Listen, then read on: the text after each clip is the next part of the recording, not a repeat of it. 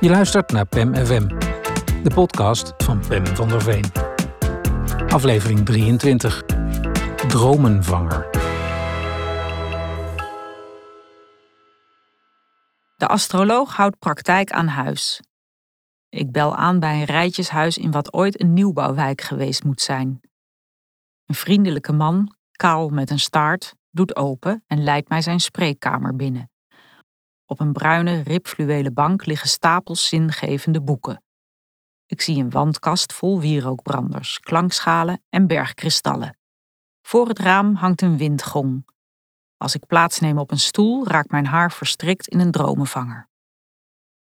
De astroloog heeft mijn horoscoop getrokken. Zwarte maan in het teken vissen, Pluto in het vijfde huis.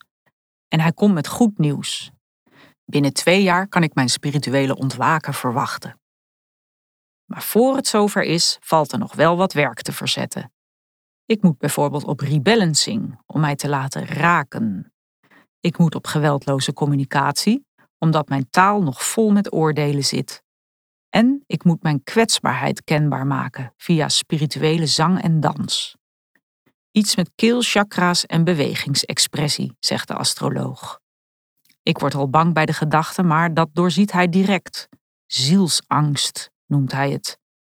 Ik moet doen wat eng is om te doen, anders negeer ik de kosmische wil en sluit het universum zich voor me.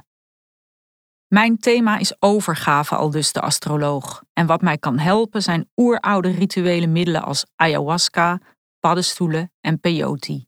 Maar er zijn meer opties, zegt hij en hij kijkt me pijlend aan. Of ik wel eens van ecstasy gehoord heb? Daarmee kun je fantastische reizen maken naar het onderbewustzijn om daar nieuwe informatie op te halen. En het toeval wil dat hij individuele sessies geeft, waarin hij zijn cliënt door zo'n ecstasy-reis coacht. Weer word ik een beetje bang. Ik zie me al zitten op die muffe bank, alleen met de astroloog, tussen de esoterische paraphernalia, met wierook, shamaanmuziek en kruidenthee. Het recept voor een slechte trip lijkt mij. Koud bier zal ik er vast niet bij krijgen. Ik knik en zeg dat ik erover zal nadenken, maar van binnen weet ik beter. Eerst maar eens geweldloos leren communiceren.